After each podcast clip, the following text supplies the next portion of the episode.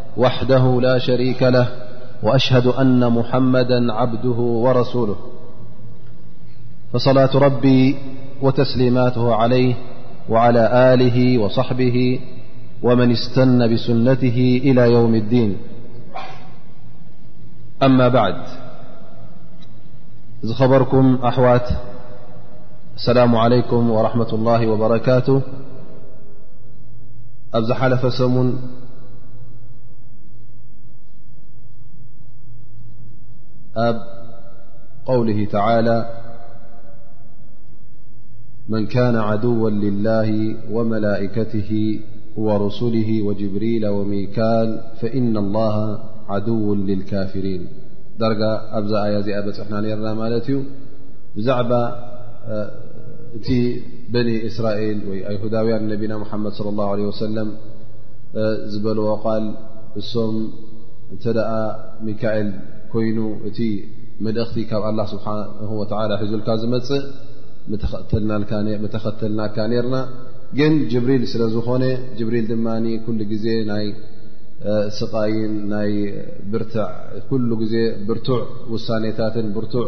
ፍርድን ሒዙ ስለ ዝወርድ ክንክተለካስ ኣይንኽእልን ኢና ብማለት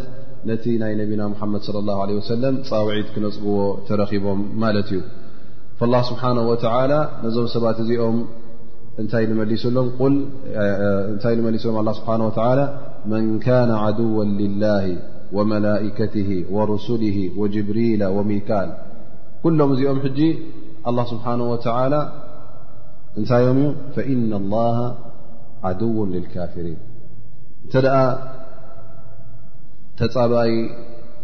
ናይ ኣላህ ኮንካ ወይ ተጻባኢ ናይ መላእካ ኮንካ ወይ እውን ተጻባኢ ናይ ልኡኻት ኣላ ስብሓን ወተዓላ ኮንካ ከምኡ ውን ብሕልፊ እቶም ተጠቂሶም ዘለዉ ጅብሪልን ሚካኤልን ተጻባኢ ናይዚኦም መላእካ እውን እንተ ኮንካ እንታይ እዩ እቲ ውፅኢቱ ማለት እዩ ፈኢና ላሃ ዓድውን ልልካፍሪን ማለት ስኻ ሕጂ ክሒድካ ማለት እዩ በቶም መላእካ ክትክሕድ ከለኻ ብኣላ ስብሓን ወላ ክትክሕድ ከለኻ ነዚኦም ክትፃባእን ከለኻ ክሓዱ ኮንካ ማለት እዩ ስለዚ ውፅኢቱ እስኻ ካብቶም ክሓድቲ ስለ ዝኾንካ ኣላ ስብሓን ወላ እውን ንዓኻ ተፃባኢኻን ዓድዉኻን ፀላኢኻን እዩ ማለት እዩ እንተ ደኣ ምስ ኣላ ስብሓን ወላ እውን ፅልኢ ተኺልካ ኩሉ ግዜ ውርደትን ሕስረትን እንተዘይኮይኑ ዓወትን ራህዋን ፍስሃን ኣይክትረክብን ኢኻ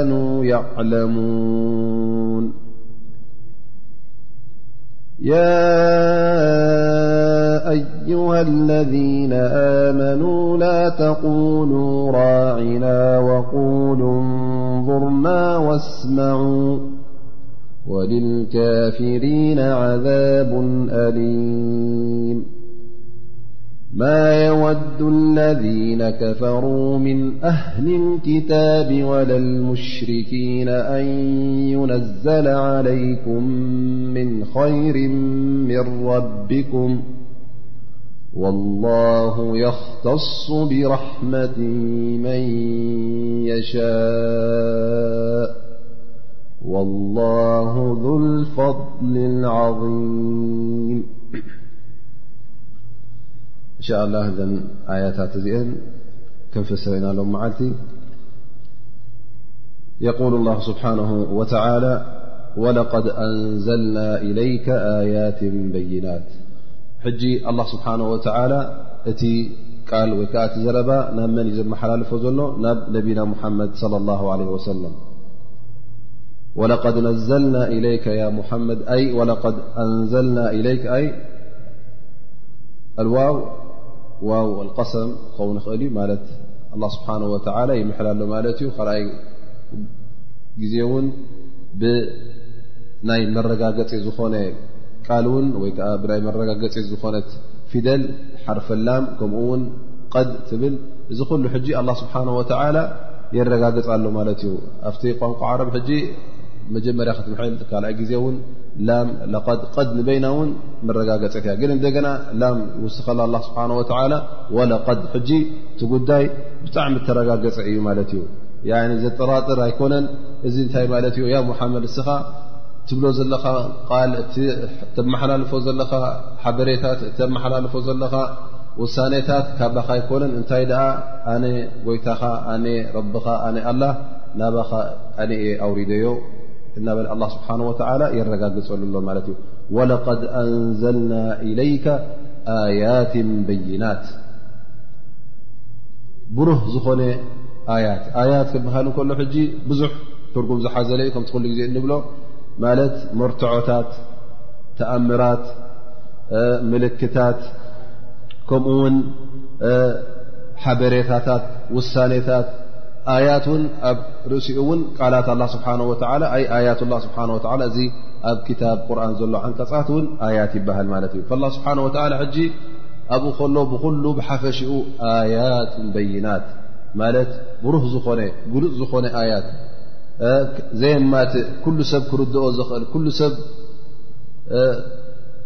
ክሕበረሉ ዝኽእል ሓበሬታ ኣውሪደልካ ኣለኹ ምክንያቱ እዚ ናብ ነቢና ሙሓመድ صለ ላه ለ ወሰለም ወሪዱ ዘሎ እቲ ክታብ ቁርን ንገዛእ ርእሱ ብሩህን ግሉፅን እዩ ኩሉ ኣብቲ ግዜ ዝነበረ ቋንቋ ዓረብ ስለ ዝኾነ ኩሎም ዝርድእዎን ዝፈልጥዎም እዮም ነሮም ስለዚ እቲ ዝወርድ ዘሎ ቃላት ብሩህ እዩ እንታይ ዓይነት ውሳኔታት ሒዙ ከም ዝመፅ ዘሎ እውን ብሩህ ኣያታት ብሩህ ውሳኔታት ብሩህ ብያኔታት ሒዙ እዩ ዝመፅእ ዘሎ ስለዚ እዚ እውን ኣያት ዋضሓት እዩ ማለት ግሉፅ ዝኾነ እዩ ኣብ ርእሲኡ እውን እቲ በብ ዓይነቱ ኣብ ኢድካ ዝርአ ዘሎ ተኣምር ነቢ ከም ምዃንካ ሓቂ እንተዘይኮነ ሓሶት ኣይትዛረብ ከምኡ ውን በቢ ዓይነቱ ነቢና ሓመድ صለ ه ሰለ ኣብ ኢዶም ዝተረኣየ ተኣምር ነይሩ ማለት እዩ እዚ ኩሉ እንታይ ዩ ማለት ሕጂ ነቢ ምዃንካን ልኡኽ ምዃንካን ዘረጋግፅ ማለት እዩ ስለዚ እቲ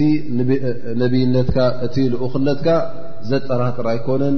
ግሉፅ ሓቂ እዩ ያ ሙሓመድ ኣይኮነን እዚ ካልእ እውን ነቶም በኒ እስራኤል ብዝያዳ ኣብቲ መፅሓፎም እንታይ ከም ዝነበረ እንታይ እንታይ ከም ዝገበሩ ከመይ ገይሮም ከም ዝለወጥዎን ከመይ ገይሮም ከም ዝቐየርዎን እውን እዚ ኩሉ ጠቒስናልካ ኢና እዚ እውን ብዝያዳ ንዕኦም ነዞም በኒ እስራኤል ነቶም ኣይሁዳውያን ብዝያዳ መርትዖ ኾኖም ምኽንያቱ እስኻ ቅድሚ ሕጂ ዝቐሰምካዮ ትምህርቲ የለን ቅድሚ ሕጂ ዝፅሓፍካዮ ፊደላት የለን እዚ ኩሉ መሃይም ንኣርዓ ዓመት መሃይም ትነብር ነርካ ዕድሜኻ ወዲ ኣርዓ ምስ ኣኸለ ዋሓይ ክመፀካ እንከሎ እሞ እዚ ከምዝኣመሰለ ፍልጠት ማንም ሰብ ክፈልጦ ዘይክእል ክመፀካ እንከሎ እንታይ ማለት እዩ እዙ እቲ ተመሓላልፎ ዘለኻ መልእኽቲ ካብ ሓንጎልካን ካብ ልበወለድካን ዝወፀ ኣይኮነን እንታይ ደኣ ብዋሓይ ካብ ኣላ ስብሓን ወተዓላ ዝወረደካ እዩ ማለት እዩ ስለዚ እዞም በኒ እስራኤል ሲ ናይ ግድን ክኣምኑልካ እዩ ዘለዎም እቶም ሙሽርኪን እውን ክኣምኑ እዮም ዘለዉ ግን ኣላ ስብሓን ወተላ እንታይ ብል እዚ ኩሉ ብሩህ ኣያታት እንከሎ ወማ የክፍሩ ብሃ ኢላ ልፋሲቁን እንተ ደኣ ነዚ ከምዚ ዓይነት መብርሂ ነዚ ከምዚ ዓይነት ምልክታት ነዚ ብሩህ መርትዖታት ዘይኣምኑ እንተ ደ ኮይኖም በዚ ዘይኣምን ሰብ መን እዩ እቲ ፋስቅ ማለት ካብ መንገዲ ዝወፀ ማለት እዩ እቲ ገደብ ዝሰገረ እቲ ደረት ዝሰገረ ቅኑዕ መንገዲ ዘይሓዘ ማለት እዩ እሶም እዮም ብኣኻ ዝኽሕዱ እንተ ደኣ ቁሩብ ኣእምሮ ኣለዎም ኮይኑ ቁሩብ መገዲ ሓቂ ዝሕዙ እተ ነሮም እተዝኾኑ ኣይ ምኻሓዱ ነይሮም ምኽንያቱ ኩሉ እቲ ናብ እምነት ዘቕርብን ናብ እምነት ዝስሕብን ኣምፅኢናልካ ኢና ያ ሙሓመድ ኩሉ እውን ኣውሪድናልካ ኢና እቲ ዝወረደ እውን ኩሉ ብሩህን ጉሉፅን እዩ ስለዚ በዚ ንሕና ዘውረድናዮ ኣያታት በዚ ንሕና ዘውረድናዮ እስልምና ዘይኣምን መን እዩ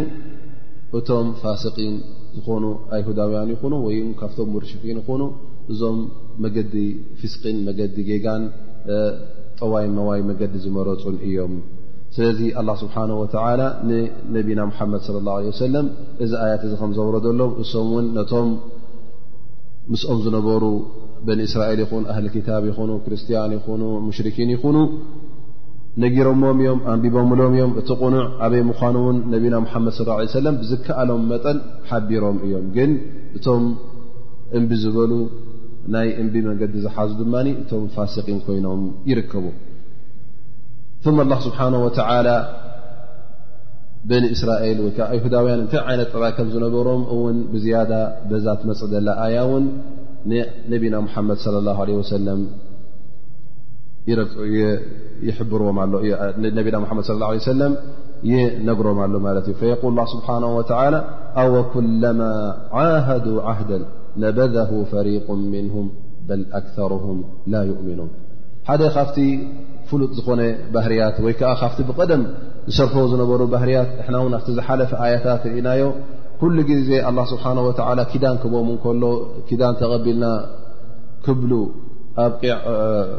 ክብሉ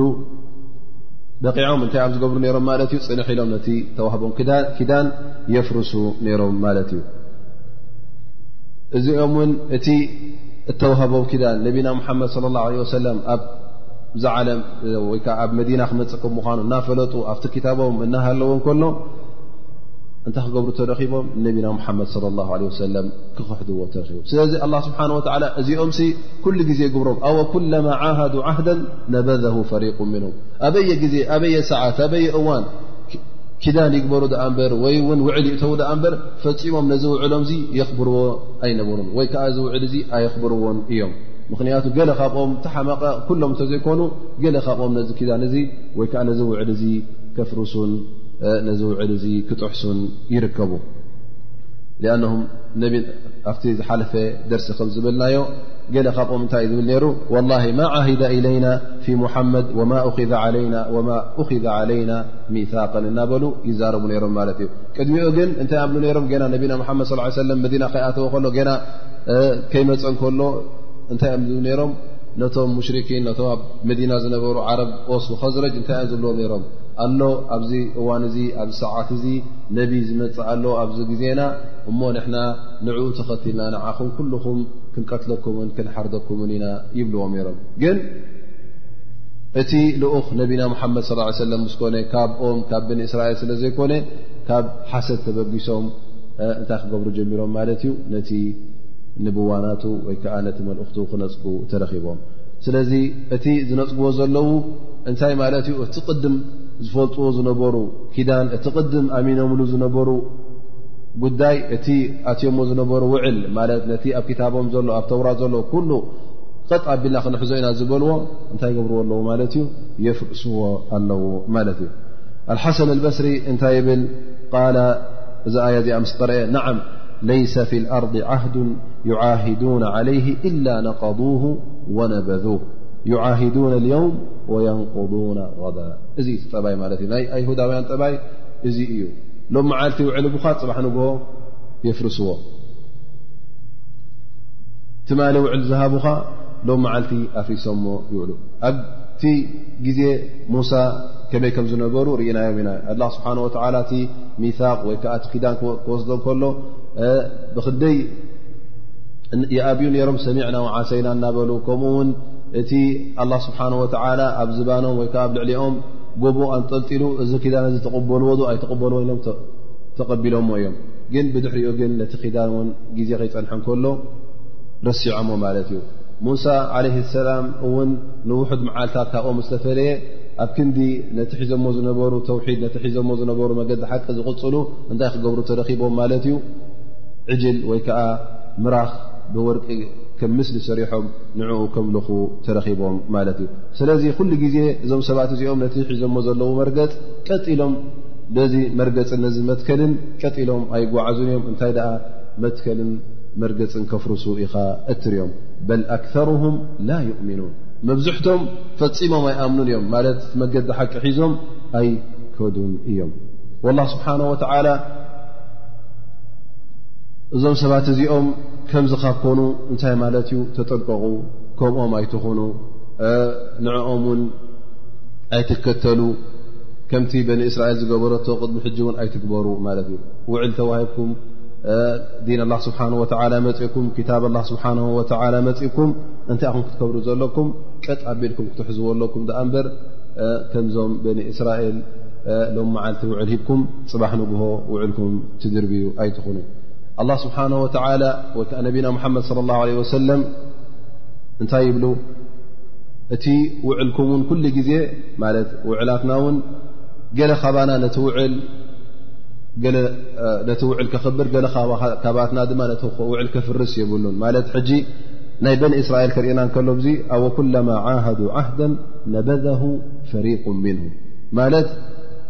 ኩሉ ግዜ ናይ ግድን ኣይኮኑ ኩሎም ክጥሕስዎ እተ ገለ ካብኦም ጥሒሶሞ ውን ተጣሒሱ ማለት እዩ ትውዕል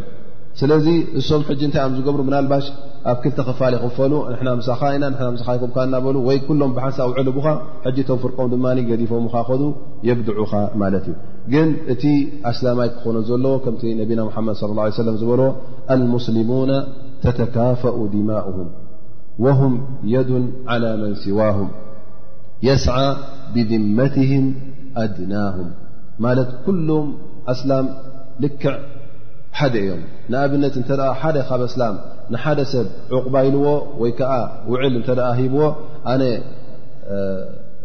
ንዓኻ ክሕልወካ እየ ኣነ ንዓኻ ክከላኸለልካ እየ እንተ ኢልዎ እቲ ካልኣይ ኣስላማይ መፂ እውን ነዚ ሰብ እዚ ክጎድኦ የብሉን ምኽንያቱ ልክዕ ሓደ ኣካል ስለ ኣስላም ኩሎም ሓደ ኣካል ስለ ዝቑፀሩ እንተ እዚ ሓውኻ እዚ እዚ እስላማይ እዚ እተ ገለ ውዕል ኣትዩ እስኻ ነቲ ውዕል እቲ ከተፍርሶ የብልካን ሓደ ግዜ ይብሉ ዑመር ብን ጣብ ገና ኣብ መዲና ከለዉ ኣሚር ናይ ጀሽ ናቱ ንዒራቕ ሰይድዎ ማለት እዩ ኣብ ዒራቕ ማለት ዓዲ ብዓብኡ ነይሩ ማለት እዩ ስለዚ ኣብኡ ጅሃድ እናገበሩ ከለዉ ሓደ ኣስላማ እዩ ግን ንሓንቲ ሃገራ ወይ ከዓ ንሓንቲ ገጠር ኣብ ዒራቕ ሓደ ኣብቲ ግዜ እቲ ባርያ ነይርዋ እቲ ግን ኣስላማ እዩ ነዛ ዓዲ እዚኣ እንታይ ሂባ ማለት እዩ ኣማን ሂባ ማለት እዩ ከላስ ንዓኹም ኣይንዋጋእኩም ኢና ኣማን ሂብናኩም ኣለና ግን ከምዚ ከም ክገብሩ ኢሉ ሕጂ ምስኦም ውዕል ይኣቱ ማለት እዩ እዚ መራሒ እዚ መፅኡ ናብኦም ምስ መፀ ንሕና ኣማን ኣለና ከምዚ ከም ዝኣመሰለ እስላማይ ኣማን ሂቡና እዩ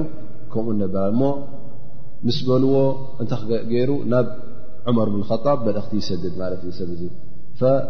ሰይድና ዑመር ይፅሕፈ ኣሎ ይብሎ እንተ ኣስላማይ ኣማን ሂብዎም ላስ ዞብ ሰባት እዚኦም ኣይትዋጋኣዮም ግደፎም በቲ ኣማኖም ዘለዎም ብኡ ይቐፅሉ ስለዚ ኣስላም ኩሎም ሓደ ኣካል ማለት እዮም እንተ ሓደ ወይ ከዓ ክል ወይ ገለ ካብኦም እተ ውዕል ኣትዩ ነዚ ውዕል እዚ ኩላህና ኩሉ እስላማይ ከኽበሮ ኣለዎ ማለት እዩ ፈልሙስሊሙና ኩሉም ተተካፋእ ድማእም ማዕናሃ ተተሳዋ ድማእም ፍልል የለን ኩሎም ሓደ እዮም ማለት እዩ ክብሪ ደሞም ኣልሙስሊሙና ኩሉም እቲ ቀይሕ ዩ እቲ ፀሊም ዩ እቲ ወዲ ዝዓዲ ዩ እቲ ወዲ ከምዚ ዓዲ ኢልካ እቲ ይበልፅ እቲ ኣይበልፅን እዩ ዝብል ርእቶ የለን ግን እንታይ ዩ ኩሎም ኣስላማይ እተ ኮይኑ ኩሎም ደሞም ሓደ እዩ ደም ኣስላማይ ኩሉ ሓራም ዩ ክቐተል የብሉን ወሁም የዱን ዓላ መን ሲዋሁም እንተ ካልኦት ኮይኖም ግን ኣንፃር ካሓቲ ደው ክብሉ እተ ኮይኖም ኩሎም እውን ሓንቲ ኢድ ክኾኑ እዮም ዘለዎም ማለት እዩ ገለ ካብኦም ምስቶም ካሓቲ ደው ክብልን ገለ ካብኦም ቶም ኣስላም ጥራይ በዚ ክደው ክብሉን እዚ እውን መትከል ናይ እስልምና ኣይኮነን እንታይ ደኣ ኣስላም ኩሉ ግዜ ኣብ ሓደ መዓስከር ወይ ከዓ ኣብ ሓደ ጎኒ ኮይኖም ኩሎም ኣንፃር ፀላኦም ክዓጥቁ እዩ ዘለዎም ዳኣ እምበር ገለ ካብኦም ዝፀላእ ኮይኑ ገለ ካብኦም ድማ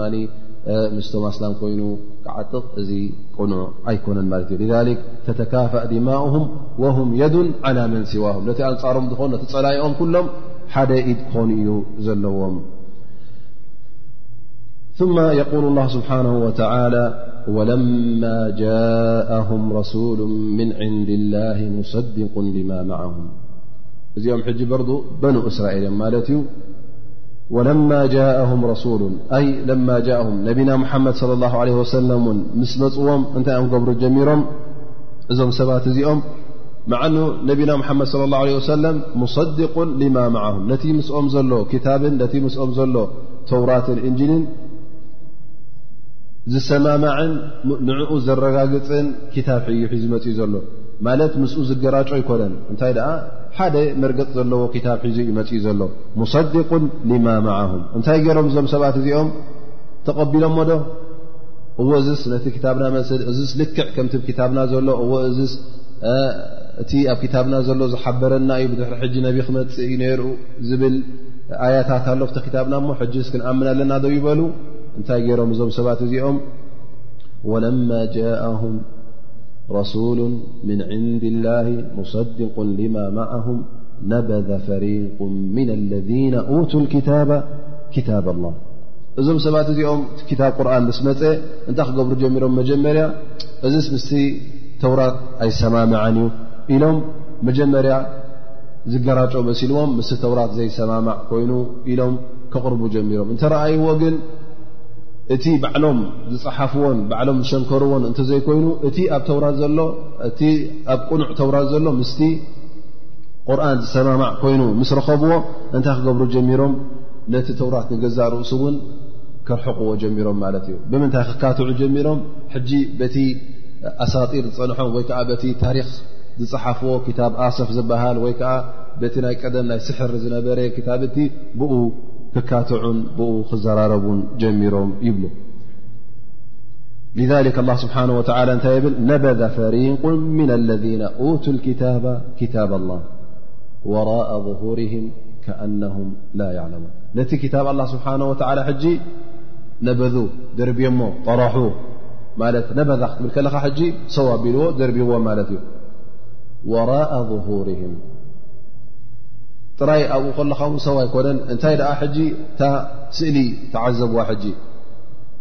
ኣላ ስብሓን ወተላ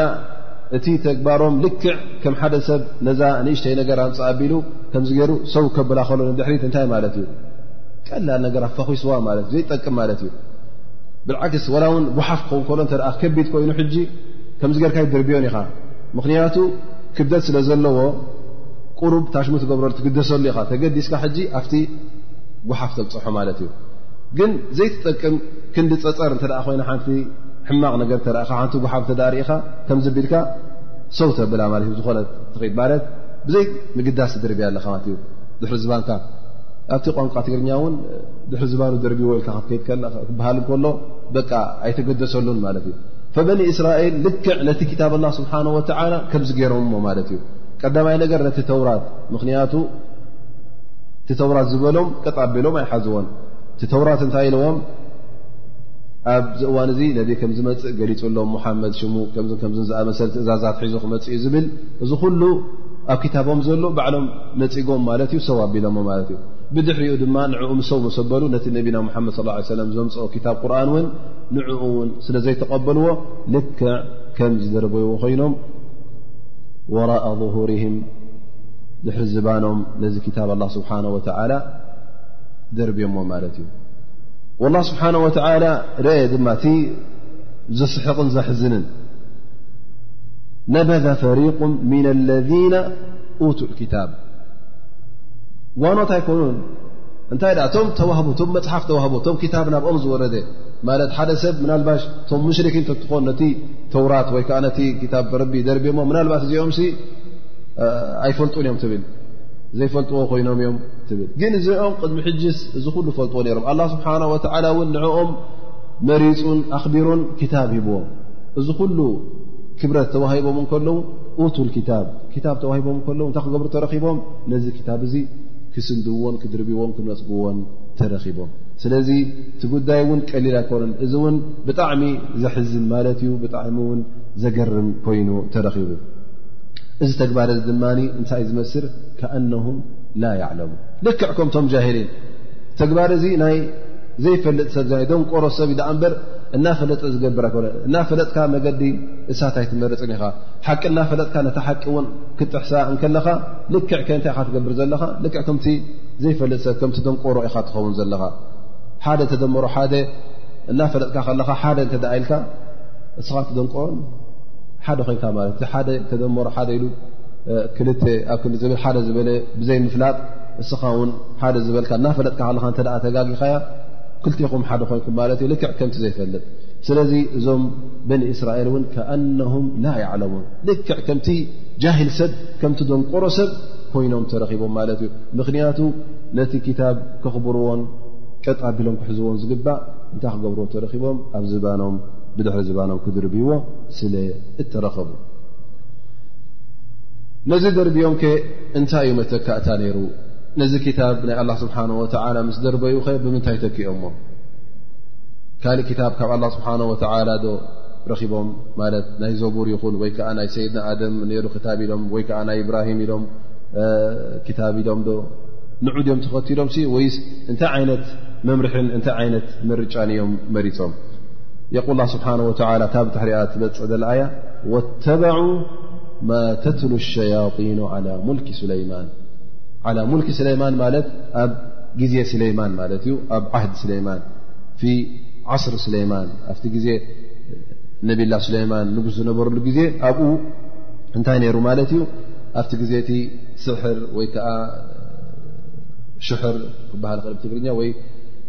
ሲራይ ወይ ጠቢብ ወይ ምጥባብ እዚ ኣብቲ ግዜ ነብላ ስለይማን ኣብኡ ተዘውቲሩ ነይሩ ማለት እዩ ሽዑ ኣብኡ ዝተረኽበ ናይ ሽሕር ክታብቲ ስለ ዝነበረ ንዕኡ ክኸተሉ ጀሚሮም ከምቲ ዝበልናዮ ሕጂ እንታይ እዮም ተኸቲሎም ክታብ ኣሰፍ ወይ ስሕር ሃሩት ወማሩት ተኸቲሎም ይብሉ ዑለማ ኣሰፍ ዝበሃል መን ይብሉ እዚ ኣሰፍ ዝበሃል ወዚር ወይ ከዓ ፀሓፊ ናይ ሰይድና ስለይማን እዩ ነይሩ ግን ሕጂ እቲ ስሌማን ዘዝበሎ ይፅሕፎ ነይሩ ይብሉ ምስ ፀሓፎ ኣብ ትሕቲ ሰድያ ወይ ኩርሲ ናይ ስሌማን የቐምጦ ነይሩ ስለዚ እሱ ምስ ሞተ ወይ ከዓ ስሌማን ምስ ሞተ እቶም ሸያጢን መፅኦም ነቲ ተፅሓፈ ንዕኡ ኣብ መንጎ ክልተ መስመር ሓቂ ሓንቲ መስመር ናይ ተንኮል ናይ እከይ ናይ ሓሶት የእትውላ ነይሮም እዚ ሕጂ ተደብዲቦም ዝፀንሐ እንታይ ክብልዎም ጀሚሮም እቶም ሸያጢን ሰብ ልኢኾም ንዑ እቲ ኣሰፍ ዝገደፎ መፅሓፍ እዚ ዩ እቲ ሓቂ ኩሉ ናይ ስለይማን ወይ ከዓ መልእኽቲ ናይ ስለይማን ዝኽተሎ ዝነበረ ወይ ከዓ ዝብሎ ዝነበረ እነሀልኩም ኢሎም ሸያጢን ከታልልዎም ጀሚሮም ካልእ ቂሳ ወይ ከዓ ካልእ ኣረኣያ እውን ኣሎ ብዛዕባ እዚ ጉዳይ እዚ ይብሉ ኣብ ግዜ ስለይማን እንታይ ነይሩ ሸያጢን ንሰማይ ገፃ ተቐርብ ነይራ እሞ ኣብቲ ግዜ እቲ ካብቶም መላካ እንታይ ይሰምዑ ነሮም ገለ ቃላት ይሰምዑ ነሮም ማለት እዩ ገለገለ ቃላት ምስ ሰምዑ ፍላን ክ ናይ ሞት ናይ ይኹን ናይ ወይ ከዓ ናይ ዝኾነ ይኹን ናይ ማይ ምዝናብ ይኹን ናይ ዝኾነ ይኹን ሕቡእ ነገሩ ይሰምዑ ሞኒ እንታይ ይገብሩ ሕጂ ካብኡ ሰሚዖም ካብቶም መላካ ሰሚዖም ላዕሊ ሰማይ ደይሞም ይወርዱ ምስ ወረዱ ናብቶም ካሃና ዝበሃሉ ወይ ከዓ ናብቶም ሕናስ ሕቡእ ነገር ንፈልጥ ኢና ብ ንፈልጥ ኢና ዝብሉ ንዕኦም ይዛረብዎም ነሮም ማለት እዩ ይነግርዎም ከምዚ ከምዚ ክርከብ ዩ ከምዘን ከምዘን ሕጂ እቶም ካህና ሕጂ ፍቲ ግዜ እቲ ይኣምንዎም እሞኒ እቲ ዝበልዎ እውን ሓቂ ክኸውን ርከብ ሕጂ ሶም ድማ ንካልእ ሰብ ክዛረቦ ምስ ጅምሩ ምስ ጀመሩ ምስ ተኣማመኑ ማለት እቶም ሸያጢን ሕጂ ምስ ኣታሊልናዮም በቃ ሕጂ ስኣሚኖምና እዮም ምስ በሉ እንታይ ክገብሉ ጀሚሮም ሕጂ ክውስኽሉን ከጉድልሉን ጀሚሮም ከምዝን ከምዝን ክርከብ ዩ ናብሩ ካልእ ድማ ይወስኽሉ ኣብ ሓንቲ ሓቂ ሰብዓ ሕሶት ክእትዉ ይጅምሩ ኣብቲ ግዜ እቲ ሕጂ እዚ ጉዳይ እዚ እናበዝሐ ከይዱ ማለት እዩ ኣብ ግዜ ነብላ ሱለይማን ሰብ ድማ ብዛዕባ እዚ ናይ ስሕር ክፅሕፍ ኣብ መፅሓፍቲ ከስፍሮ ይጅምር ማለት እዩ እቲ ሰብ እውን እንታይ ክብል ጀሚሩ ኣጋንንትስ ወይ ን እንታይ ይፈልጡ ብ ይፈልጡ እዮም ሕቡእ ነገር ይፈልጡ እዮም ዝብል እምነት ኣብቲ ግዜ ሱለይማን ኣብ ግዜ ነብላ ሱለይማን እዚ ጉዳይ እዚ ክዝውተር ጀሚሩ ይበሃል እዚ ነገር ዚ ዝሰምዐ ነብላ ሱለይማን እንታይ ይገብር ኣብ ፈቐዶ ዓዲ ልኡኻት ልኢኹ ማለት ሰራዊት ልኢኹ ነቲ ብዛዕባ እዚ ጉዳይ ተፃሒፉ ዘሎ መፃሕፍቲ ኩሉ ኣክብዎ ይብሎም ማለት እዩ ይእከብ ኩሉ ምስ ተኣከበ ድማ ኣምፁለ ይብል ኣብቲ ዝነበሮ ቀስር ወይ ከዓ ኣብ ገዝኡ ኣብ ትሕቲ ሰዲኡ ይደፍኖ ማለት እዩ እዚ ነገር እዚ ሕጂ ኣብ ግዜ ስለይማን ይጠፍእ ድሕሪኡ ውን እቶም ዑለማእ ዝነበሩ ገደቶም ኣብ ግዜ ስሌማን ዝነበሩ ነዚ ጉዳይ ዝፈልጡ እሶም ምስ ተወድኡ ነብላ ስሌማን ምስ ሞተ ድሕሪ ነዊሕ ግዜ እንታይ ይመፅእ ማለት እዩ ሓደ ሰይጣን ሰብ ተመሲሉ ይቐርቦም ማለት እዩ ንዑ ኣሎ ስሌማን ዝገደፎ ዓብዪ ሃብቲ ዘይትፈልጥዎ በሊዕካዮ ዘይውዳእ ንመዋእልኩም ዝኾነልኩም ሃብቲ ኣሎ ይብሎሞኒ ነዞም በኒ እስራኤል ሒዝዎም ይመፅእ ንዑ ይብሎም እሂ ናበይ ናፍታ ትሕቲ ሰድያ ናይ ሱሌይማን ኣብኣ ሕጂ ኩዓቱ ኣብኣ ክትረኽቡ ኢኹም ኩሉ እቲ ስሌይማን ከመይ ገይሩ ነዛ ዓለም እዚኣ መሊኽዋ ከም ዝነበረ ንኣጋንንቲ ከመይ ገይሩ መሊኽዎም ከም ዝነበረ ንሓይዋናት ወይ ከዓ ነተን እንስሳታት እንታይ ዘረበአን ከመይ ገይሩ ፈለጥ ከም ዝነበረ እዚ ተዋሂብዎ ነበረ ምልኪ ወይ ከዓ ንግስነት ፍፁም ካልእ ሰብ ዘይተዋህበ ንግስነት ዝነበረ ከመይ ገይሩ ሒዝዎ ከም ዝነበረ ወይ ከዓ በየናይ ኣገባብ እዩ ዝኸይድ ዝነበረ ኩሉ ኣብዚ መፅሓፍቲ ክትረኽብዎ ኢኹም ይብሎም ማለት እዩ እንተዘይረኺብኩም ንዓይ ስሕረዱኒ እሞ ንዓ ኣቕረ ብብልዎ ሞኒ ላላ ኣነስ ኣብኣ ርሕቕ ኢለ ክርእኩም ዳኣ ይብሎም ማለት እዩ እዚ ሸይጣን ምኽንያቱ ይብሉ ኣብ ግዜ ስለማን ኣብታ ጥዓ ኩርሲ እተ ሸይጣን ቀሪቡ ይቃፀል እዩ ነይሩ ስለዚ እታ ቦታ እውን ክቐርባ ኣይደልየን ስለዚ ይኹዕትዋ ማለት እዩ እቲ ቦታ ምስ ኮዓት እውን እቲ ነብላ ሱለይማን ኣኪቡ ካብቶም ብዛዕባ ስሕርን ብዛዕባ ጅንን ዝፅሓፍዎ ንኡ የውፅኡ ማለት እዩ እንሀልኩም እዚ እዩ ይብሎም ኣብኣ ከሎ ውን ሸዓ ይጠፍእ ማለት እዩ ተደለይዎ ኣይረኽብዎን ስለዚ እንታይ ይብሉ እሞ እዚ እዩ ናይ ሱለይማን ዝነበረ ከምዚ ገይሩ እዩ ብስሕር እዩ ንኣጋንንቲ ይኹን ወይ ከዓ ነተን እንስሳታት ይኹን ሒዝዎን ዝነበረ ይብሉ ላ ስብሓን ወተላ ሕጂ እዚ እምነት እዚ ኣበይ ተረኪቡ ኣብ በኒ እስራኤል ክዝውተር ጀሚሩ ላ ስብሓን ወተላ እዚ ጉዳይ እዚ ሓሶት ከም ምኳኑ በዛ ኣያ እዚኣ የብርሃ ኣሎ እሶም እዮም ደኣ መገዲ ሸይጣን ተኸቲሎም ደኣ እምበር ነብላ ሱለይማን ሲ መገዲ ሸይጣን ኣይተኸተለ መገዲ ስሕር እውን ኣይተኸተለ ላ ስብሓን ወተላ ወተበዑ ማ ተትሉ ሸያጢኑ ዓላ ሙልኪ ሱለይማን ወማ ከፈረ ሱለይማን ወማ ከፈረ ሱለይማን ሱለይማን ካሕዳን ኣይነበረን ናይ ስሕር ናይ ሸጣውንቲ እውን ዝገብር ኣይነበረን እንታይ ደኣ እሶም እዮም ኣብቲ ግዜ ሱለይማን ዝነበረ ናይ ስሕር ጌጋታት ዝግበር ዝነበረ እሶም እዮም ተኸትሎሞ ዘለዉ ወማ ከፈረ ሱለይማን ወላኪነ ሸያጢነ ከፈሩ ዩዓልሙና ናስ ስሕር ስለዚ እቲ ወይ ከዓ እዛ ኣያ እዚኣ ውን ብዝያዳ እንታይ እያ ተርእየና ዘላ ነብላ ሱለይማን ሲ ብዛዕባ ናይ ስሕር ብዛዕባ ርክብ ናይ ሸይጣን ብክሕደት ኣይኮነን ሒዝዎ ነበረ እንታይ ደኣ እቲ ሒዝዎ ዝነበረ ናይ ኣጋንንቲ ክመልኽ ክኢሉ ነበረ ናይ እንስሳታት እቲ ተዋሂቦዎ ዝነበረ ምልኪ ብእምነት ደኣ እምበር ብክሕደት ኣይኮነን ምክንያቱ እቲ ስሕር እውን ንገዛእ ርእሱ ክሕደት ከም ምኳኑ በዛ ኣያ እዚኣ ብዝያዳ ክበርሃልና እዩ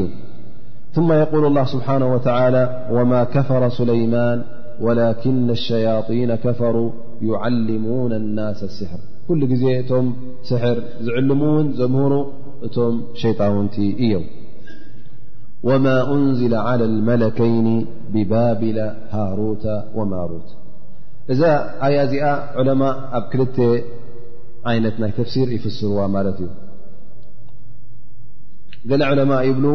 ወማ እንዝላ ዓላ ልመለከይኒ ብባብላ ሃሩታ ወማሩት ወማ እንዝላ ሃذ ይብሉ ነፊ ማለት ኣላ ስብሓን ወተላ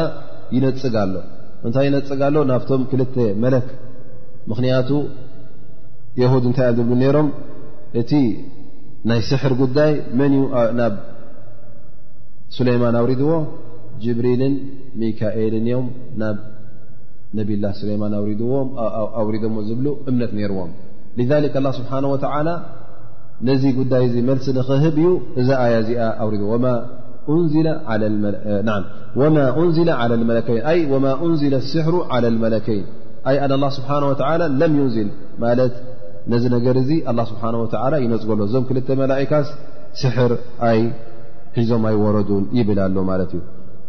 ስለዚ ማ ሁና ማለት ወማ እንዝላ ናፍያ ነፃጊት እያ ይብሉ እዚ ሕጂ ተሓደ ርእቶ ማለት እዩ ስለዚ ሃሩተ ወማሩት እንታይ እያ ይብሉ ሃሩት ወማሩት ስም ናይ ክልተ ሰባት እዩ ዳኣ እምበር ስም ናይቶም መላእካ ኣይኮኑን ይብሉ ስለዚ እታ ትርጉማ ናይታ ኣያ ከመይ ገይሮም ወስድዋ ማለት እዩ ኣን ላ ስብሓን ወተላ ይብል ኣሎ ወላኪና ሸያጢና ከፈሩ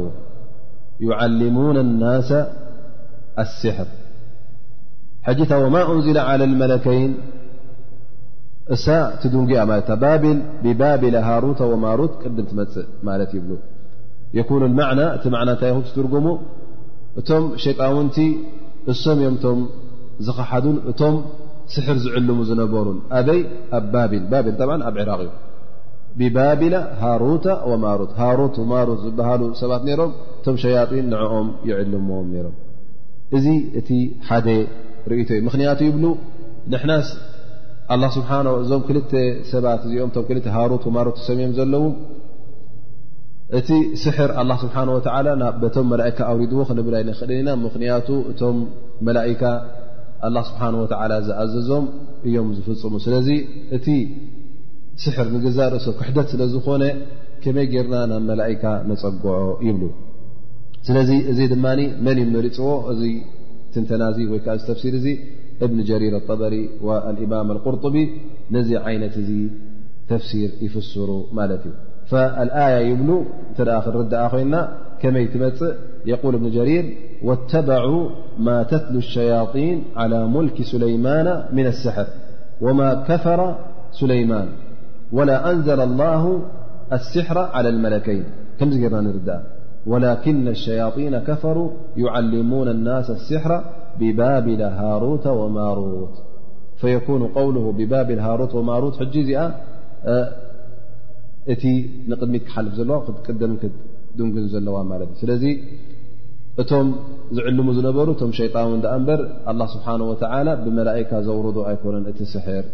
ይብሉ ማለት እዩ እዚ ሕጂ መርጫ ናይ መን እዩ ናይ እብኒ ጀሪር ኣጠበሪ ወልእማም ኣልቁርጡቢ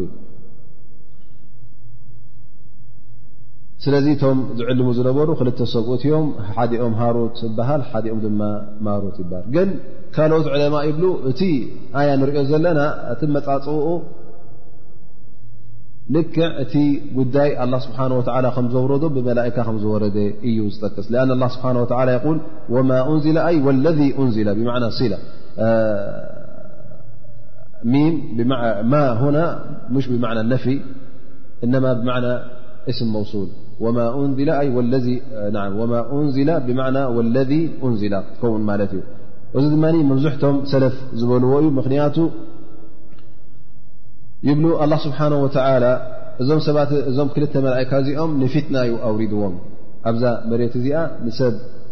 ከም መርመራ ከም እኽትባር ከም መፈተኒ ኢሉ ነዞም ክልተ መላእካ ኣውሪድዎም እዞም ክልተ መላእካ እውን ነቲ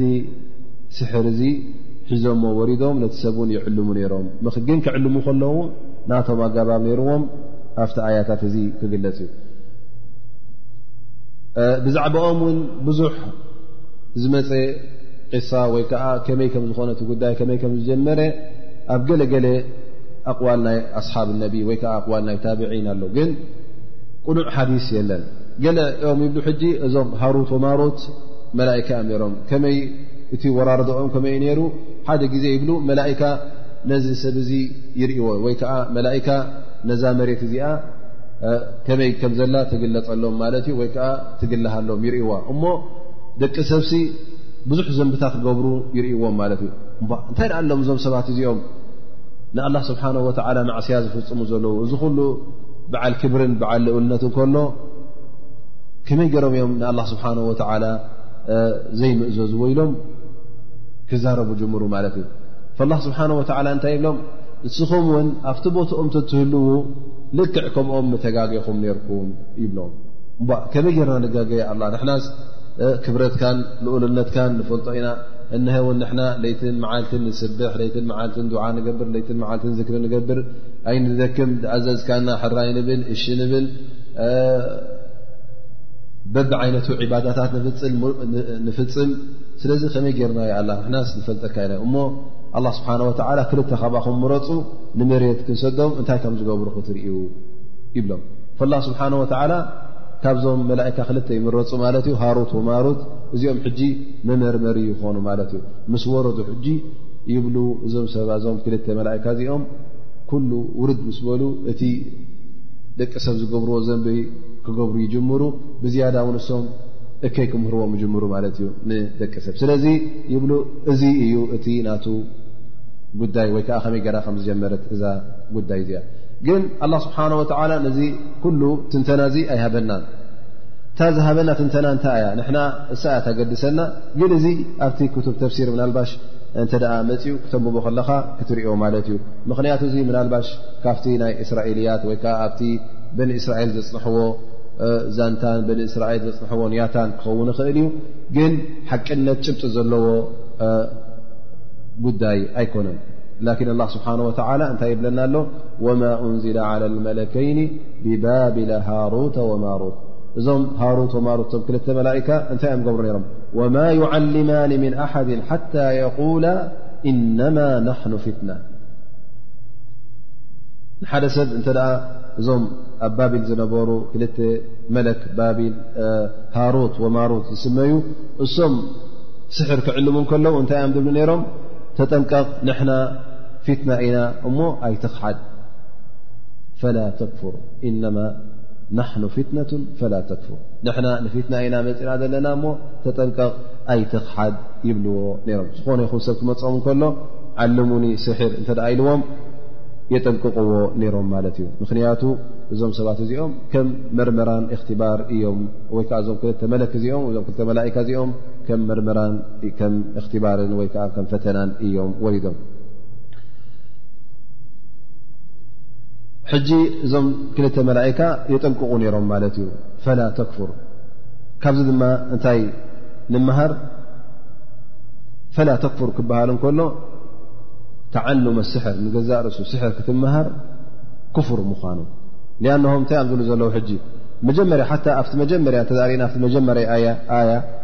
ወተበዑ ማ ተትሉ ሸያጢኑ ዓላ ሙልኪ ሱለይማን እሱ እንታይ እቲ ናይ ስሕር ማለት እዩ ወማ ከፈረ ሱለይማን ሱለይማን ብዛዕባ ስሕር ገብር ኣይነበረን ኣን እቲ ስሕር ዝገብር ሰብ ካፍር ማለት እዩ ወማ ከፈረ ሱለይማን ወላኪና ሸያጢና ከፈሩ መን እዮም ዝገብርዎ ነይሮም እዚ ጉዳይ እዚ እቶም ሸያጢን እሶም እዮም ድማ ብኣላ ስብሓን ወተላ ክሒዶም ስሕር ዝገብሩ ዝነበሩ ዩዓልሙና ናስ ስሕር ንሰብ ስሕር ይዕልሙ ገዛ ርእሶም እቶም ሸያጢን እውን ይዕልሙ ነይሮም እዮ ንሰብ የምህሩ ነይሮም እቲ ዘምህርን ዝመሃርን ክልትኦም እንታይ ኮኑ ማለት እዩ እዚኦም ውን ካደ ገዛ ርእሱ እቲ ዝመሃር ካብ ክሓደ እቲ መምህር እውን ብዝያዳ ክሓደ ማለት እዩ ካፍር ማለት እዩ ስለዚ ኣብዚኣ እውን እንታይ ተርእየና ኣላ ማለት እዩ እቶም መለከይን እንታይ የብሉ ነይሮም ወማ ዩዓልማኒ ምን ኣሓድ ሓታ የቁላ እነማ ናሕኑ ፊትነቱን ፈላ ተክፉር እዚኣ ምስ በልዎ እንተ ኣብዩ ብድሕሪኡ የምህርዎ ማለት እዩ እነማ ናኑ ፍትና ፈላ ተክፍር ስለዚ እሰም ምኽንያቱ እዞም ክልተ መላእካ ትይርን ሰከይን ሰናይን ትኢማንን ትክሕደትን ይፈልጥዎ ስለ ዝነበሩ የጠንቅቁ ነይሮም ኣላ ስብሓን ወላ እውን ከጠንቅቁ ስለ ዝኣዘዞም እንተ ንሓደ ሰብ ክተምህሮ ኮንኩም ኣጠንቅቅዎ መገዲ ሓቂ እንታይ ምኳኑን መገዲ እከይ እንታይ ምኳኑን ኣፍልጥዎ ባዕሉ መሪፁ እተ ኣነስ ክክሕደ እተ ዝብል ኮይኑ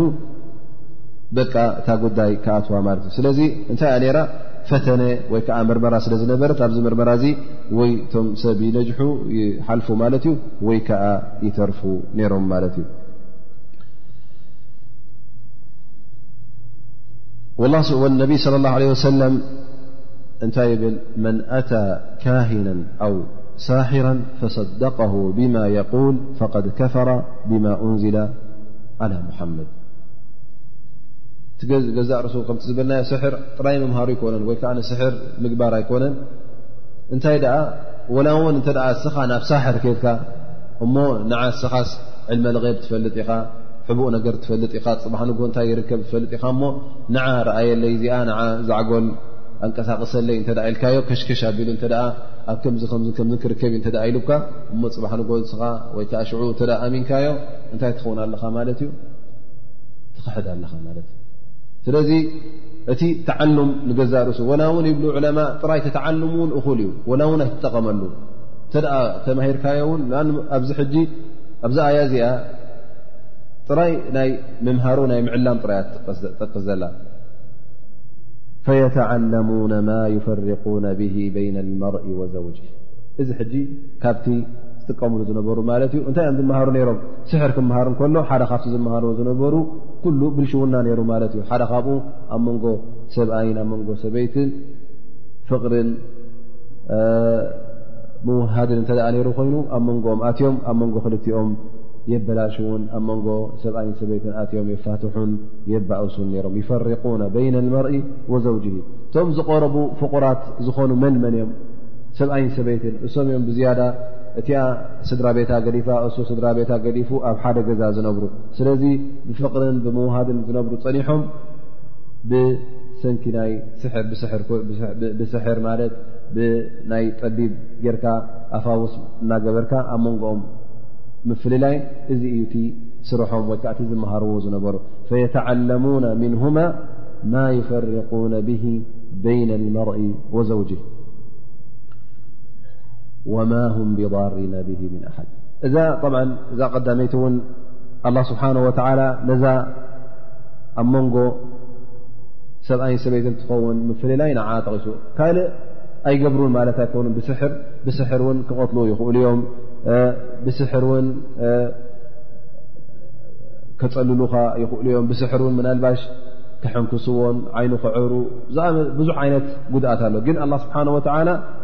ሓንቲ ጠቒሱ ማለት እዩ እዚኣ እውን ቀላል ኣይኮነትን ኣብቲ ሓዲስ እውን እተ ርእና ካብተን ዓበይቲ ሸይጣን ደስ ዝብለለንን ዝሕጎሰለንን እያ የል ነቢ صለ ላ ለ ወሰለም ፊ ርዋያት ሙስሊም ን ጃብር ብን ዓብድላ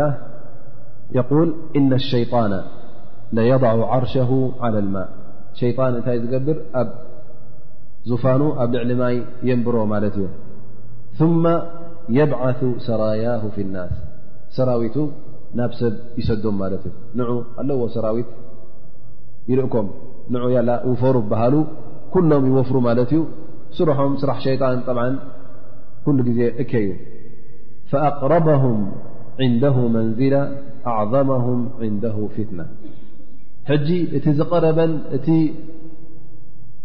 ሸይጣን ካብዞም ሰራዊቱ ዝፈትዎን ዘቕርቦን መን እዮም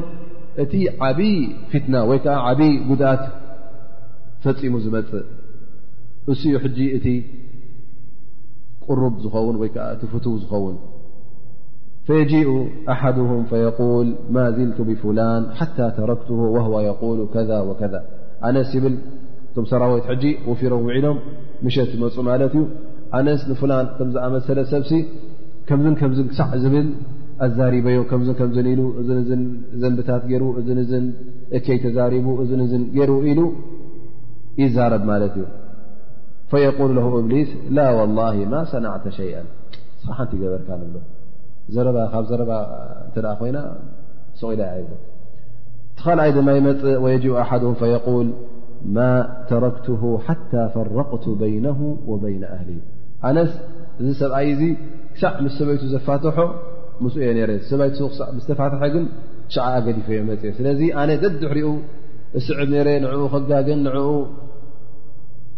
ኣብ እከይ ከውድቕን እታ ዝኸኣልክዋ እታ ዝገበርክዋ ኣብ መንጎኡን ኣብ መንጎ ስድርኡን ኣብ መንጎኡን ኣብ መንጎ ሰበይቱን ኣትየ ኣባኢሰዮም እሞ እዚ ሰብ እዘን ሰበይቱ ጠሊቕዋ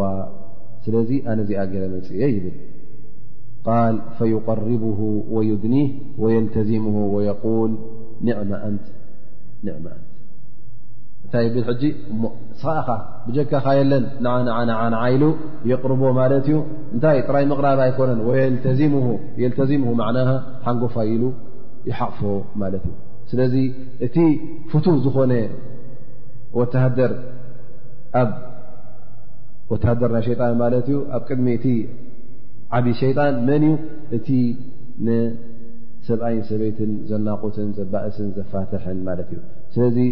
እቲ ፍልልይ ምናልባሽ ብስሕር ክኸውን ይኽእል እዩ ብገለ ሕማቕ ነገር ማለት ምክንያቱ እታ ቀንዲ ተራኽቦም ዘላ ፍቕሪ ስለ ዝኾነት ምናልባሽ እታ ፍቕሪ ኣብ መንጎኦም ዝነበረት ኣ ንዓ ኣትዩ ንዓኣ ከፅልኦም ወይ እውን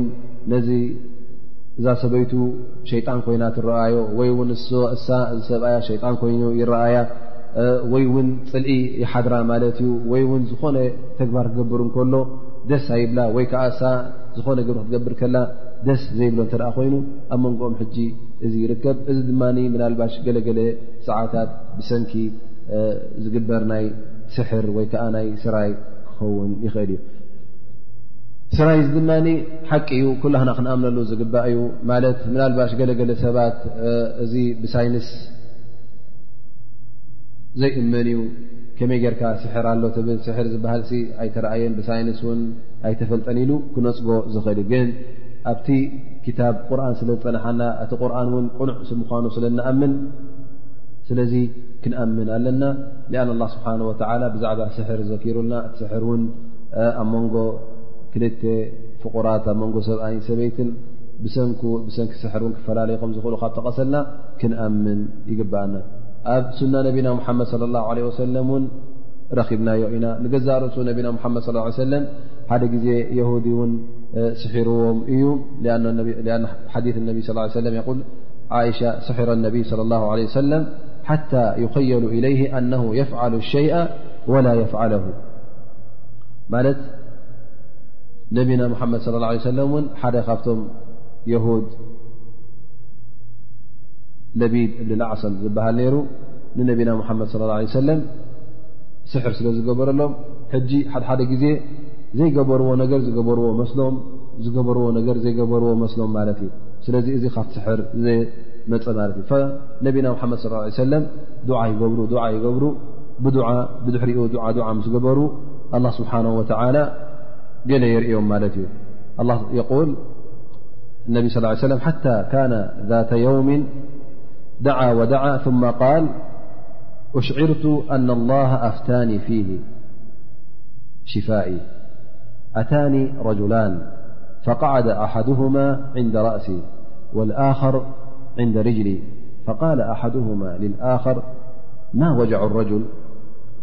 قال مطبوب قال ومن طبه قال لبيذ ابن الأعصم قال فبماذا قال في مشط ومشاطة وجف طلعة ذكر قال فأين هو قال في بئر دروانة فخرج إليها النبي صلى الله عليه وسلم إلى آخر حديث ذ أحون نبينا محمد صلى الله عليه وسلم ተሳሒሮም ከም ዝነበሩ ጠቅስያ ከምቲ ዝበልናዮ ገለገለ ጉዳያት ዝገበርዎ መስሎ ገለገለ ጉዳያት ዘይገብርዎ ገይረዮ ይብሉ ከምዚ ምስ መፅ ከምዚ ምስ ተሰምዖም ዱዓ ክገብሩ ጀምሩ ማለት ዩ ነቢና ሓመድ ለ ላ ለ ሰለም ዱዓ ዱዓ ምስ ገበሩ ሕጂ ኣላ ስብሓን ወተላ እቲ ሕማሞም እንታይ ከም ምዃኑን ፈሱን እንታይ ከም ምዃኖም የርእዮም ማለት እዩ ፈንታይ ይረኣዮም ደቂሶም ከለዉ ክልተ ሰብኡት ይመፁ ማለት እዩ ሓዲኦም ብወገን ርእሶም ኮፍ ይብል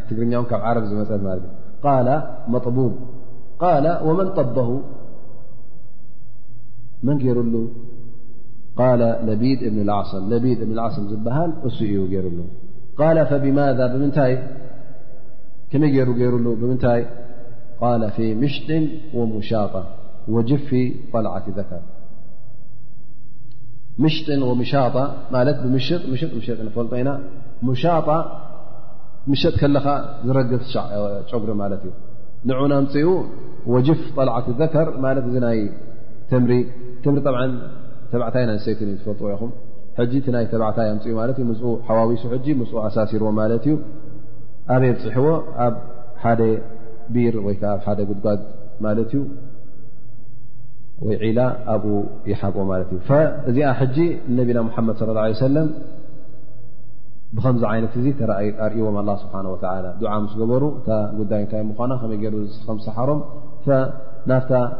ዘላታ ቦታ ከይዶም ነታ ስሕር ንዓኣ ኣፍሺሎማ ማለት እዩ ስለዚ ስሕር ሓቂ ምኳኑ በዚ ክንኣምን ኣለና እሱ እውን ስሕር ምምሃር ወይከዓ ስሕር ምፍፃም ወይከዓ ጠቢብ ምዃን ወይከዓ ናይ ጠቢብ ስራሕ ምስራሕ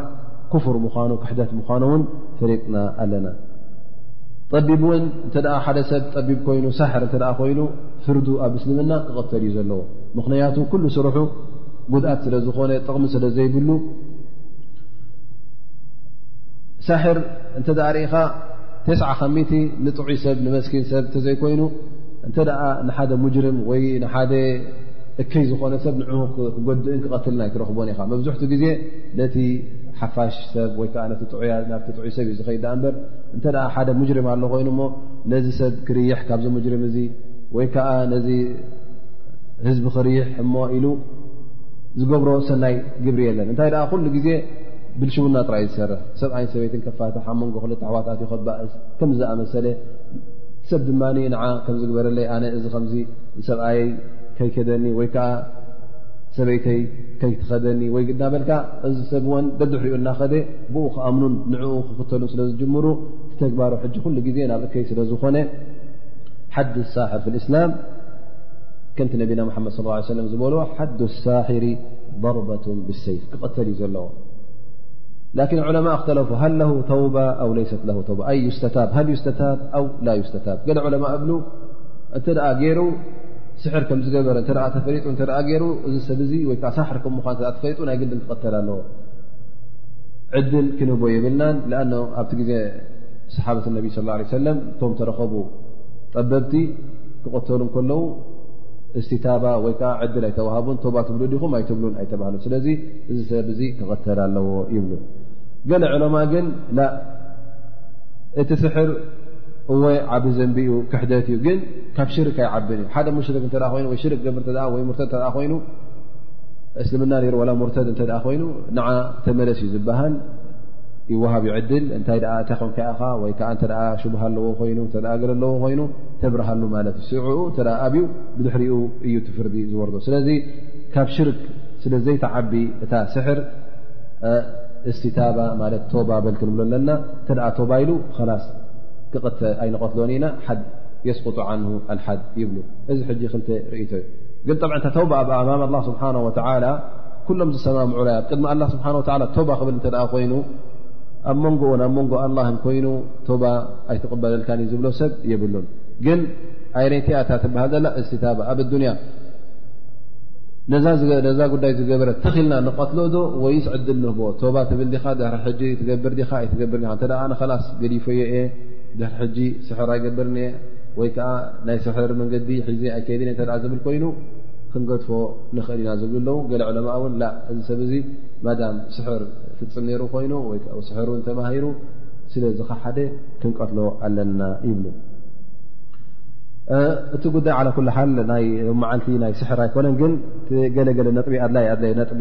ነመሓላልፍ ማለት እዩ ብዛዕባ እዚ ጉዳይ እዚ ሰብ ብዙሕ እውን ይሓትት እዩ ግን እቲ ዝሓሸ ኩሉ ግዜ እዚ ናይ ስሕር ጥራይ ሰብ እውን ሓደሓደ ግዜ ብፍርሂ ዝኣክል እውን ካብቲ ኢማን ክወፅእ እኽእል ማለት እዩ ስለዚ ሕና ወይ ከዓ ንስኻ ኣነ ኩላህና እቲ ኣላ ስብሓን ወተላ ነቢና ሓመድ ለ ላ ሰለም ዝሓበሩና ከም ውቃያ ዝኾነ መከላኸሊ ዝኾነ ስሕር ንኸይሕዘካ እትገብሮ ቀዳማይ ነገር ኣዝካር ኣሎ ድዓ ኣሎ ኩሉ ግዜ ናይ ንግሆን ናይ ምሸትን ይኹን ናይ ድቃስ ይኹንን ኣብ ዝኾነ ይኹን ሰዓታት ትብሎ ኣዝካር ድዓ ክትገድፍ የብልካን ከምኡ ውን ካብቲ ናብዚ ጉዳይ እዚ መከላኸሊ ዝኾነካ ገና ቲ ስሕር ከይመፀካ ከሎ ዓጅዋ ናይ መዲና ፍሉይ ተምርሎ መዲና ማለት እዩ ን ክትበልዕ ከለኻ ውን ከምቲ ነቢና ሙሓመድ ስ ለ ሰለም ዝበልዎ መን ተሰበሓ ብሰብ ተመራት ምን ዓጅዋ ለም ተضረ ሊከ የውም ስሙን ወላ ስሕር ነቢና ሓመድ ص ሰለም እዚ ቃል እዚ ኣመሓላሊፎም ንግሆ ንግሆ ሸተ ተምሪ ወይዓ ንግሆ ሸተ ተምሪ ዝበልዐ ሰብ ኣብዚ መዓልቲ እዚ ስሚ ይኹን ወላ ስሕር ይኹን ኣይጎድኦን እዩ ይብሉ ነቢና ሙሓመድ ስለዚ ሕጂ እዚ ገና ስሕር ከይመፀካ ከሎ ከም መከላኸሊ ማለት እዩ እተ ትበርህ ኮንካ ሸክ ትገብር እተ ኮንካ ነዚ ትገብር ተኣዝካር ድማ ኣለካ ማለት እዩ ስሕር እውን ኩሉ ግዜ ከምጥንቀቀሉ ዘለና ምናልባሽ ገለገለ ሰባት ብጠቢብ ተታሒዞም ተሸጊሮም ተባሂሎም ውላዶም ይኹኑ ሰበይቶም ይኹኑ ሰብኣየን ይኹን ዝኾነ ይኹን ቀረባ ዘመድ ክሓሞም እንከሎ ገለ ሰባት ኣይሓቱን እዮም እንታይ ደኣ ፈቐዶ ገዛ እናኣተዉ ፈውሲ ኣብ ምድላይ ጥራይ እዮም ዝኾኑ እዚ ፈውሲ ድማ ክልተ መንገዲ ኣሎ ሓደ መገዲ መገዲ ሓላል እዩ ተኸልዓይ መገዲ ድማ መገዲ ሓራም እዩ እቲ መገዲ ሓራም ናብቶም ብስሕር ወይ ከዓ ናብቶም ጠበብቲ ኬትካ በቲ ናይ ጠቢብ ኣገባብ ከፍርስዎ እተ ኮይኖም እዚ ንገዛእ ርእሱ ሓራም እዩ ቲካልኣይ ግን መሽሩዕ ወይ ከዓ ኣ ስብሓ ወላ ነቢና መድ ስ ሰለም ዘርኣዩና መገዲ እዩ ንዑ እተ ተኸትካ ግን ሓላል ይኸውን ማለት እዩ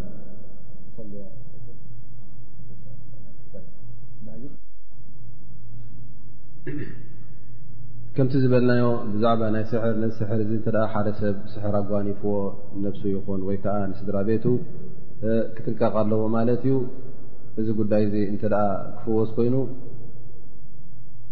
ብክልተ መገዲ ይፍወስ ማለት እዩ ተቀዳማይ መገዲ ወይ ከዓቲ ሓደ ሓራም ዝኾነ መገዲ እዩ ኣላ ስብሓን ወተላ ዘይቅበሎን ነቢና ሓመድ ስ ሰለም ዘጠንቀቑናን ማለት እዩ እሱ ድማ ልክዕ ነቲ ስሕር ብስሕር ከተፍርሶ ከለኻ ማለት ጠቢብ ሒዙካ እስኻ ኣብ ካልእ ጠቢብ ኬትካ ንዓ ኣነ ከምዚ ከምዝኣመሰለ ሕማም ኣለኒ ወይ ጠቢብ ሕዙኒ ሎሞ ንስኻ ድማ በቲ ናህካ ጌርካ ፈውሰኒ ክትብሎ ከለኻ እዚ ሕጂ ጌጋ ይኸውን ማለት እዩ እዚ መገዲ እዚ እውን መገዲ ሓራም ማለት እዩ እቲ ካልኣይ መገዲ መሽሩዕ ወይ ከዓ ኣብ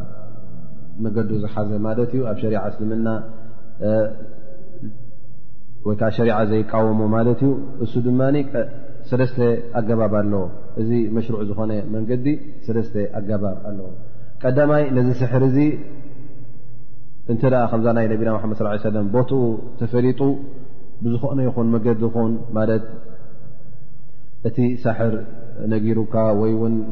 ስኻ ድዓ ጌርካ ከ ናይ ነቢና መድ ዓ ብምግባርካ ሰዋ ብሕልሚታ ቦታ ኣርኢኻ እያ ወይ ውን ብወዝቢ እንተ እታ ነገር ረኺብካያ ንዓ ክትፈትሓ ከልኻ ወይከዓ ምክንያቱ ገሊኡ ከምዝእሳር ቁፃር ስለ ዝኾነ ቦትኡ ፈሊጥካ ካብ ቦትኡ ምፅኢካ ክትብትኖ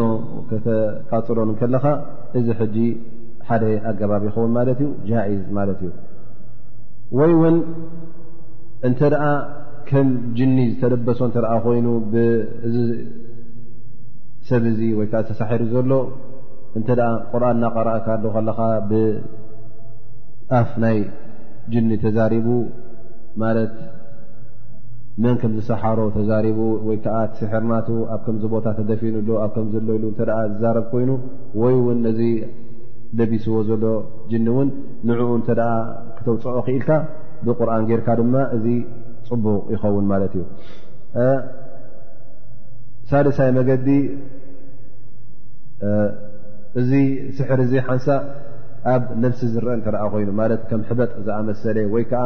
ኣብ ሓደ ኣካልካ እተ እታ ቃንዛ ትስምዓካ ኮይና እንታይ የብል ሕጂ ነዛ ቦታ እዚኣ እስትፍራቅ ትገብረላ ማለት ነቲ ብኣ ዘሎ ሕማም ንምውፃእ ወይ ብማሕጎማ ተውፅኦ ማለት እዩ እተ ዝሕጎም ኮይኑ ነቲ ኣብኡ ዘሎ ደም መፂኻ ማሕጎማ ተውፅኦ ወይ እውን እንተ ኣብ ከብዲ ኣብ ከብዲ ኮይኑ ማለት ኣብ ከርሱ እተ ኮይኑ እቲ ሕማም ዘሎ ብኣፋእወስ እናስተኻ ብናይ ተምላስ ይኹን ብቐልቀል ይኹን ስቲፍራቅ ክገብር ከሎ እዚ እውን ይሕግዝ ማለት እዩ ምናልባሽ ምስ ተሓፂቡ ይወፀሉ ከምኡ ውን ሩቅያ ክትገብር ከለካ ሩቅያ ሸርዕያ ማለት እዩ ከምዚ ኩላህና ንሪኦ ማለት እዩ ኣብ ማይ ቁርን ቀሪእካ ትፍትፍ ክትብል ከለካ ወይ ውን ምስ ዘይቲ ዘይቱን ጌርካ ነብስካ እናደረዝካ ቁርን እናቀራእካ ወይ እውን ኣሎ ከም ሸውዓተ ናይ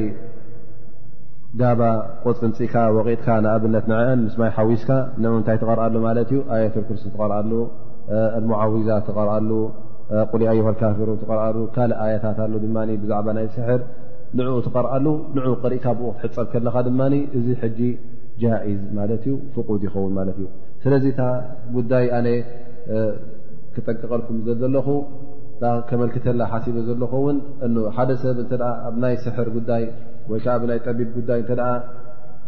እብትላእ መፅዎ ማለት እዩ እቲ ሒዝዎ ወይ ከዓ እቲ ክኸዶ ዝግባእ መገዲ ሸሪዓዊ መገዲ ክኸውን ኣለዎ ካብቲ መገዲ ሸሪዓ ክወፅ የብሉን ኣነስ ተገዲደ ወይ ከዓ ኣነስ ተሸጊረ ኢሉ ኣብቲ ሓራም ክሓልፍ የብሉን ሊኣን ላ ስብሓን ወተላ ማ ኣንዘለ ዳኣን ኢልና ኣንዘለ ለ ደዋ ዝኾነ ይኹን ሕማም ኣላ ስብሓን ወተላ የውረዶ ዳኣ እምበር ንዕኡ ዝፍውስ ፈውስ እውን ን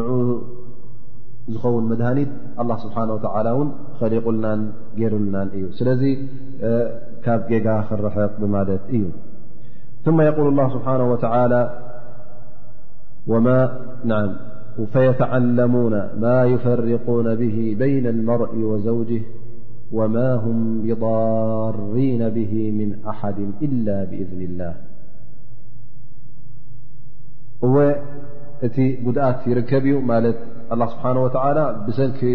ስሕር ሰብኣይን ሰበይትን ከም ዝፈላለዩ ጠቒሱ ኣሎ ግን እዚ ጉዳይ እዚ እውን ካብ ኢድ ኣላ ወፅ ማለት ኣይኮነን ዝኾነ ይኹን ጉድኣት እንተ ወሪዱካ ካብ ሳሕር ይኹን ካብ ጠቢብ ይኹን እዚ ጉዳይ እዚ ካብ ኢድ ኣላ ወፅ ማለት ኣይኮነን እንታይ ኣ ብቀዳ ኢላ ስብሓ ወላ ብቁድረት ላ ስብሓ ወላ ክእለት ናይ ኣላ እዩ እዚ ጉዳይ እዚ እዚ ተረኪቡ ዘሎ ምክንያቱ እቲ ሳሕር ይኹን እቲ መስሑር ይኹን እቲ ሸይጣን ይኹን እቲ ከም ፈውሲ ተባሂሉ ዝግበር ዘሎ ኩሉ ምልኪ ኣላ ስብሓን ወተዓላ እዩ ኣላ ስብሓን ወላ እንተዘይቀደሮ ውን ክኸውን ዘይክእል እዩ ስለዚ ልክዕ ከምቲ ሓደ ሰብ እንተ ኢዱ ኣብ ሓዊ ኣቕሪብዋ እዛ ሓዊ እዚኣ ተንድደ እያ ግን እዚ ሓዊ እዚ ኣላ ስብሓን ወላ እዚ ሓይሊ እዚ ሓዊ ሂብዋ ማለት እዩ ምንዳድ ሓይሊ ንሓዊ ዝሃበ መን እዩ ኣላ ስብሓን ወላ ሳ ባዕላ ት ሓዊ ዝኸለቐቶ ኣይኮነን ልክዕ እዚ ጉዳይ እዚ እውን ኣላ ስብሓን ወተላ እዚ ናይ ስሕር ነገር ኣላ ስብሓን ወተላ ዝኸለቆ እዩ ስለዚ ካብ ምልኪ ኣላ ዝወፀ ኣይኮነን ካብ ክእለት ኣላ ስብሓን ወላ ዝወፀ ኣይኮነን እንተ ደኣ ዝጓኒፉካ እውን በላ ካብ ረቢ ስብሓን ወላ ከምዝወረደካ ናብ ረቢ ክትፅጋዕ ከም ዘለካ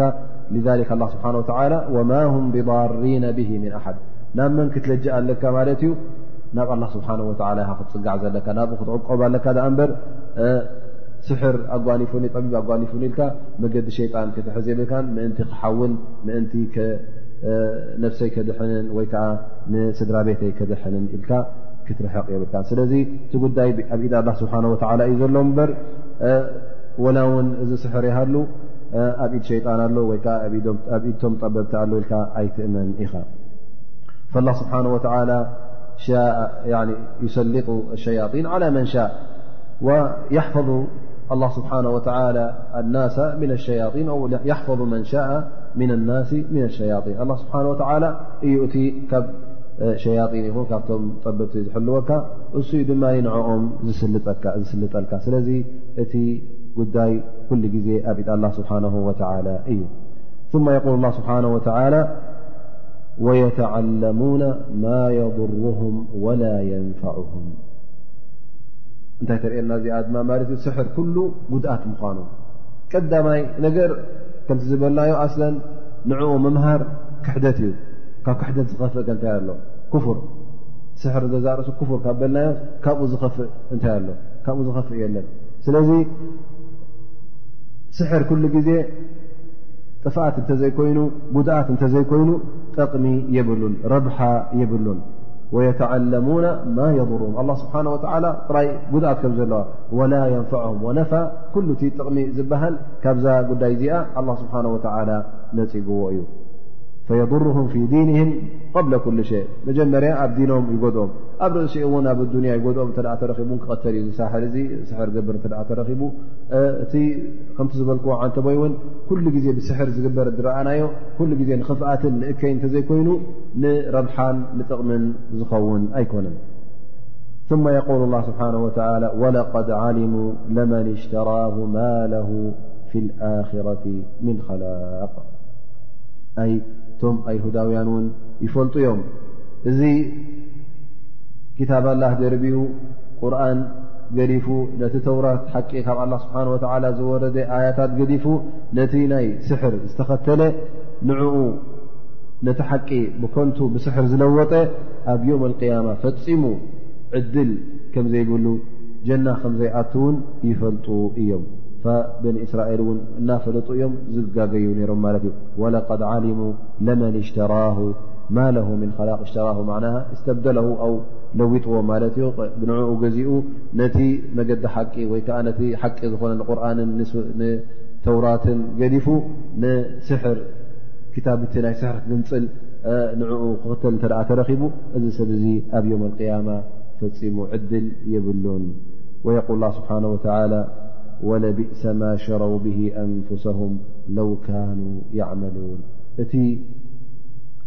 መሪፀሞ ዘለዉን እቲ ሒዘሞ ዘለዉ መገዲ ድማ እቲ ኣዝዩ ዝበኣሰን ኣዝዩ ዝኸፍአን እዩ ነብሶም እውን ብምንታይ ሸይጦማ ማለት እዩ በቲ ናይ መገዲ እከይ ብምምራፆም ናይ ስሕት ብምምራፆም ነብሶም ኣብ ክንዲ ዝሕልው ነብሶም ሸይጦም ነብሶም ከሲሮም ማለት እዩ ለው ካኑ ያዕለሙን ፈልጡ ነሮም ተዝኾኑስ እቲ ዝገብርዎ ዘለዉ ዓብዪ ክሳራ ማለት እዩ እቲ ዝበኣሰ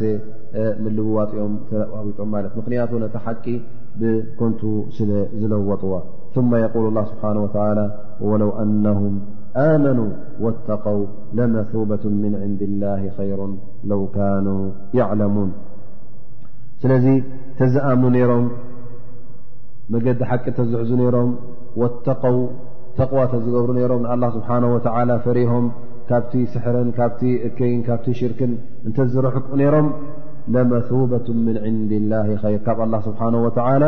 ኣጅርን ተዋብን ምረኸቡ ነይሮም እቲ ኣላ ስብሓን ወተላ ዝኸልከሎም ሓራም እዩ ዝበሎም እቲ ኣላ ስብሓን ወተላ ኣይትግበርዎ ዝበሎም እከይ እዩ ዝበሎም ከም ትቐንዲ ከም በዓል ስሕር ኣብ ርእሲኡ ድማ እቲ ነቢና ሙሓመድ ለ ላ ለ ሰለም መልእኽቱ ብምንፃጎም እዚ ኩሉ ዝገብርዎ ዝነበሩ ካብኡ ርሒቆም ነይሮም እንተዝኾኑ ኣላ ስብሓን ወተላ ርድዋኑን ፍቶቱን ፀግኡን ምሃቦን ነይሮም መባ ማለት ኣጅሪ ምረኸቡ ነይሮም ለው ካኑ ያዕለሙን ፈልጡ ነይሮም እንተዝኾኑስ ዓብዪ ራህዋን ዓብዪ ደስታን ዓብዪ ፍስሃን እዩ ዝፅበዮም ነይሮም ግን እዞም ሰባት እዚኦም ዶናቁር ስለ ዝኾኑ እናፈለጡ ስለ ተጋገዩ ልክዕ ከምቲ ደንቆሮ ከምቲ ጃህል ኮይኖም ይርከቡ እዚ ናይ ሎማዓቲ ደርስና ኣብዚ ይድምደም ማለት እዩ ከምቲ ሰሙናዊ ዘለና እውን ሎማዓልቲ ሓሙሽተ ደቂ ዝኸውን እውን እንታይ እንታይ ፋኢዳ ከም ዝወሰድና ወይከዓ ረብሓ ከም ዝወሰድና ወይከዓ ፍሬታት ከም ዝሓዝና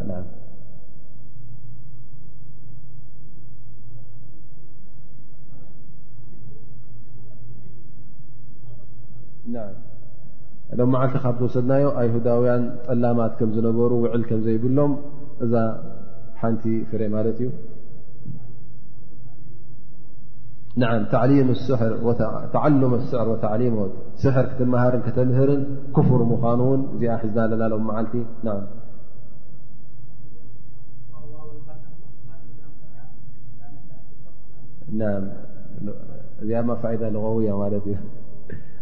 ዋው እተን ወለቐድ ኢልና ተዛረብና ኣለና ናይ ቀሰም ወተእኪድ ከም ዘለዋን ናይ ምርግጋፅ ከም ምኳኑ እዚኣ እውን ፋይዳ ሒዝና ኣለና ኸሊኣን ዲቨርሳ ሕጂ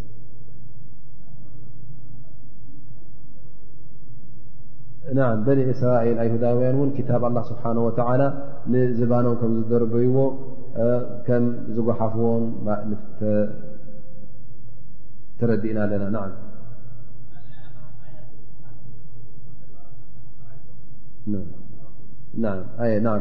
ኣያት ክትብል ከላ ኣብ ቁርን ክመፅእ ከሎ ብዙሕ ትርጉም እዩ ዘለዋ ተኣምር ትኸውን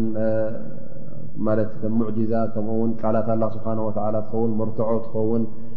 ምልክት ትኸውን ማለት እዩ ብዙሕ ትርጉም እዩ ዘለዋ ኣያ ማለት ጥራይ ከም ንሕና ሕጂ ክሉ ግዜ ኣያ ክንብል ከለና ከም ሓደ ዓንቀፅ ናይ ቁርን ኢና ንጥቀመላ ግን ብዙሕ ትርጉም እዩ ዘለዋ ጥራይ ኣያ ክበሃል ከሎ ሳ ማለት ኣይኮነን እንታይ ደኣ ምልክት ክኸውን ይኽእል እዩ ተኣምር ክኸውን እል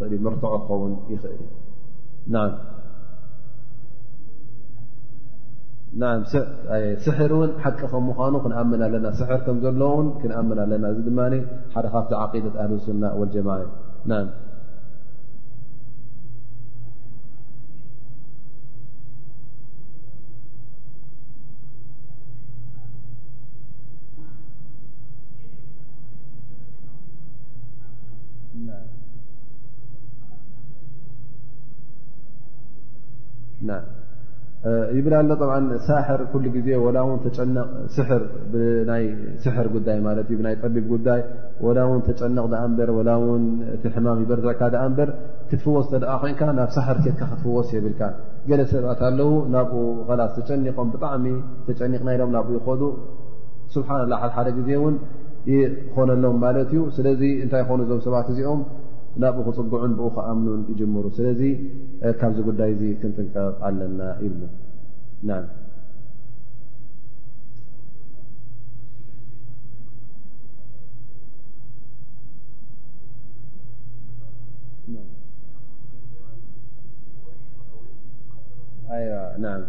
እዚኣ ካብታ ዝጠቐስናያ ቅሳ ማለት እዩ ሸጣውንቲ ኣብቲ ሰድያ ወይ ዓ ኩርሲ ናይ ሰይድና ስለይማን ክቐርቡ ይኽእሉ ኣይነበሩ እተ ናብኡ ቀሪቦም ይቃፀሉ እዮም ነሮም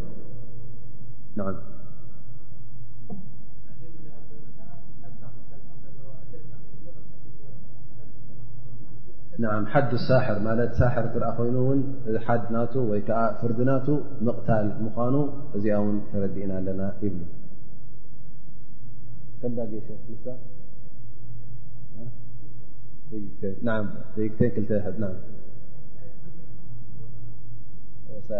እዚኣ ድማ ኢልና ኢና ስሕር ከመይ ገርና ከም ንፍወስ ክልተ መገዲ ከም ዘለዎ ሓደ መገዲ ናይ